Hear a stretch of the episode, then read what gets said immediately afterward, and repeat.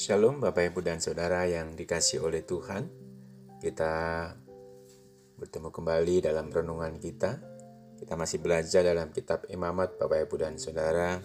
Dan dalam renungan ini kita akan melihat di pasal yang ke-5 Dan juga pasal yang ke-6 Akhirnya Bapak Ibu dan Saudara setelah semua tentang korban Kita boleh belajar. Dan saat ini Tuhan mau berbicara tentang bagaimana kita bisa bergaul satu dengan yang lainnya, dengan tetangga, dan juga dengan teman-teman, dan juga sesama kita. Nah, dalam persembahan penghapus dosa, kita akan berurusan dengan apa yang berkaitan dengan penyembuhan, dengan masalah yang disebabkan oleh tindakan, kejahatan terhadap satu sama yang lainnya. Kita perlu ingat Bapak Ibu dan Saudara yang dikasih Tuhan, dalam korban penghapus dosa kita, bahwa kita berhadapan dengan sifat dasar dan sifat fundamental dari semua tindakan jahat itu berasal. Dengan rasa bersalah yang kita miliki di hadapan Allah, hanya karena kita terasing daripadanya. Tapi di sini kita berurusan dengan perbuatan nyata yang kita lakukan terhadap satu sama lain, ketidakadilan, perlakuan salah, dan luka yang kita timbulkan. Nah, Bapak Ibu dan Saudara yang dikasih Tuhan, sebagaimana kita sudah belajar tentang korban-korban yang kita lihat dan kita pelajari bersama, bahwa setiap eh, persembahan itu memiliki satu karakter yang berbeda. Ya, dan hari ini pun Bapak Ibu dan Saudara kita memiliki ciri khas dari persembahan penghapus dosa. Yaitu bahwa hal ini diperlukan ganti rugi. Ya, ini menjadi suatu ciri khas Bapak Ibu ya. Ada kebutuhan untuk kembali dan meluruskan masa lalu. Sejauh mungkin itu perlu untuk memperbaiki kesalahan yang telah dilakukan. Sejauh itu bisa diperbaiki. Hubungan yang rusak perlu diperbaiki. Apakah sesuatu yang material juga perlu dipulihkan atau hanya apakah luka batin atau cedera emosional yang dilakukan pada orang lain juga perlu diakui. Itulah sebabnya terkadang dalam urusan manusia perlu untuk kembali dan membereskan masalah-masalah masa lalu. Inilah yang Tuhan katakan pada kita melalui korban penghapus dosa. Nah, ada lima kategori Bapak, Ibu, dan Saudara yang di jelaskan dalam firman Tuhan ya yang mencakup dalam persembahan ini. Yang pertama adalah kita sebut sebagai dosa karena rasa bersalah atau diam. Ini adalah dosa kelalaian Bapak Ibu. Artinya jika seseorang melihat kejahatan yang dilakukan atau mengetahui masalah yang sama dan itu diumumkan secara terbuka, bahwa pihak berwenang membutuhkan bantuan dalam memecahkan masalah. Tapi kita diam. Itu artinya dia sudah bersalah atas pelanggaran. Artinya orang yang melihat itu telah melukai masyarakat dengan menahan kesaksiannya. Saya pikir ini juga salah satu alasan mengapa kita memiliki begitu banyak masalah dalam menegakkan keadilan. Saat ini, adalah karena orang-orang tidak mau terlibat. Jadi ketika kejahatan atau katakanlah korupsi terjadi di masyarakat kita, banyak orang menyembunyikannya. Mereka tidak mengatakan apa pun kepada pihak berwenang dan bahkan tidak melaporkan kejahatan yang dilakukan tepat di depan mata mereka. Itu artinya kita sudah bersalah dan melanggar ketetapan Tuhan. Kategori yang kedua adalah Bapak Ibu bahwa kita e, melakukan hal-hal yang najis. Itu juga harus ditebus dengan korban penghapus dosa. Nanti ke depan kita akan jelaskan lebih rinci hal-hal yang najis. Demikian juga tentang sumpah. Itu juga sudah melanggar hukum Allah. Nah, untuk ketiga kategori ini Bapak Ibu, korban yang dipersembahkan adalah sama Ya, jadi Bapak Ibu dan Saudara yang dikasih Tuhan, inilah ketiga hal dosa yang harus ditebus dengan korban penghapus dosa. Dan masih ada dua lagi pelanggaran Bapak Ibu. Di ayat 14 dan 17 ya. Yaitu pelanggaran berhubungan dengan agama. Pelanggaran ini melibatkan sesuatu yang dilakukan dalam hal-hal kudus Tuhan. Apakah pelanggaran ini Bapak Ibu? Ya. Pelanggaran macam apakah yang dilakukan ini sehingga ini melanggar tentang kekudusan Tuhan? Jadi ini adalah suatu pelanggaran yang dilakukan seseorang. Sebenarnya orang ini melakukan sesuatu dengan tulus, ya, dengan keyakinan penuh bahwa kita melakukan hal yang benar, melakukannya dalam nama Tuhan. Tapi kemudian berapa hari yang kemudian kita mengetahui rupanya itu salah Bapak Ibu. Ternyata apa yang kita lakukan itu tidak diinginkan oleh Tuhan.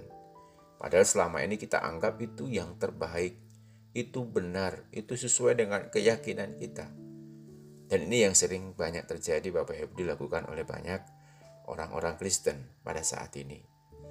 Sering kita menganggap bahwa apa yang kita lakukan sudah dengan cinta yang luar biasa. Ya, dengan kebenaran yang luar biasa. Tapi tanpa kita sadari Bapak Ibu dan Saudara yang dikasih Tuhan, banyak hal itu kita lakukan karena kita melakukannya tanpa cinta kasih. Kita melakukannya tanpa ada cinta di dalam Yesus. Karena dengan itu semua kita kadang kita mengorbankan kebencian untuk melakukan sesuatu kepada orang lain ya. Kita katakan kita harus oh, membalas mereka. Oh, awalnya kita datang kepada Tuhan. Saya pikir ini yang sering kali Bapak Ibu melukai banyak gereja. Saya pikir ini yang sering kali gereja-gereja dipenuhi dengan orang-orang yang menjalani bentuk dan upacara keagamaan yang kosong mereka semua berpikir bahwa Tuhan menginginkan itu.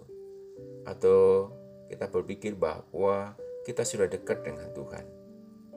Rupanya Bapak Ibu, sebenarnya hati kita sangat jauh, sangat jauh daripada Tuhan. Dan dosa yang lain juga Bapak Ibu tersangkup dalam hal yang korban penebusan dosa. Dikatakan di pasal yang ke-6, itu adalah kecurangan, perampokan, penipuan, pemerasan, penip, uh, penggelapan atau pengembalian pajak yang palsu dan lain sebagainya. Bapak Ibu dan Saudara, apa yang perlu kita pelajari dari persembahan penghapus dosa ini? Bahwa itu tidak akan pernah sembuh Bapak Ibu. Ya, dosa-dosa yang kita lakukan, pelanggaran-pelanggaran itu tidak akan sembuh sampai pelanggaran itu diakui. Ya. Jadi uh, waktu tidak akan bisa menyembuhkan luka itu Bapak Ibu. Mungkin saat Bapak Ibu melukai orang, menipu, berbohong, atau memeras, ya mungkin lima tahun atau 20 tahun itu berlalu kita nggak bertemu dengan orang itu. Tapi mungkin setelah 20 tahun kita bertemu dengan orang itu. Kita melihat orang itu kembali. Bapak Ibu dan Saudara, ketika kita melihat orang itu, hubungan itu masih rusak Bapak Ibu. Luka itu masih ada. Jadi sebelum ada satu pengakuan penebusan dosa pada waktu itu, maka itu nggak akan bisa selesai. Nah kita melihat Bapak Ibu dan Saudara dari semua itu, kita masih ingat apa yang dikatakan Yesus dalam Matius pasal 5. Jika uh, kita mempersembahkan persembahan di mesbah, atau kita datang ke gereja menyembah Tuhan. Saat kita memberikan persembahan, lalu kita ingat bahwa kita tidak mengasihi saudara kita. Lalu kita masih ingat bahwa kita ada masalah dengan tetangga kita. Tuhan katakan apa? Taruh persembahanmu di situ. Kembali, selesaikan masalahmu. Artinya Bapak Ibu dan Saudara yang dikasih Tuhan, Tuhan mau katakan, itu lebih menyenangkan di hati Tuhan daripada jumlah persembahan yang kita kita bawa. Jadi korban penghapus salah atau korban penghapus dosa ini disediakan bagi kita. Digenapi di dalam Yesus Kristus. agar kita dapat menyembuhkan semua orang yang rusak di masa lalu. Ini penting Bapak Ibu, untuk hati nurani yang bersih. Jika kita ingin memiliki hati nurani yang bersih di hadapan Tuhan, beberapa dari kita mungkin harus kembali dan menyembuhkan beberapa hubungan yang sudah rusak. Kita mungkin harus membuat beberapa uh, keputusan, membuat satu keberanian untuk mengakui agar dosa-dosa masa lalu harus diselesaikan. Kita mungkin harus mengakui beberapa kesalahan.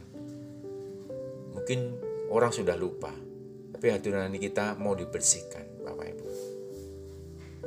Begitu kita melakukannya, hubungan itu akan disembuhkan di hadapan Tuhan dan akan menjadi kemuliaan dan berkat bagi kita selama kita menjalani sisa-sisa kehidupan ini. Jadi Bapak Ibu dan Saudara yang dikasih Tuhan, Tuhan sangat mengenal kita dan dia sangat memahami kita. Dia tahu bahwa kita bisa hidup dengan hubungan. Artinya eh, Tuhan memahami kita bahwa kita tidak bisa hidup dengan hubungan yang rusak seperti itu untuk waktu yang lama. Ini akan mulai menyusahkan Bapak Ibu. Hidup kita akan menemui banyak kesusahan dengan beragam cara. Tapi ketika kita membawanya kepada Tuhan, pada Yesus Kristus Bapak Ibu, membawa seluruh situasi ini kepadanya, dia akan bekerja. Bahkan dalam kehidupan orang lain. Dan akan membuat kehidupan kita menjadi lebih baik lagi. Dan akan menyembuhkan semua hubungan-hubungan kita yang selama ini sudah rusak Bapak Ibu. Dan semua masalah yang kita selama ini uh, mungkin tanpa kita sadari kita simpan sudah puluhan tahun, Tuhan akan selesaikan semuanya. Jadi biarlah hari ini Bapak Ibu dan Saudara yang kasih Tuhan, mari kita bawa korban-korban rasa bersalah kita, bahkan dosa-dosa masa lalu kita. Dan Tuhan akan tunjukkan berkat kemuliaan yang luar biasa di tengah-tengah kehidupan kita. Amin. Shalom, selamat pagi dan Tuhan memberkati kita semuanya. Selamat beraktivitas, Tuhan menuntun kita. Amin.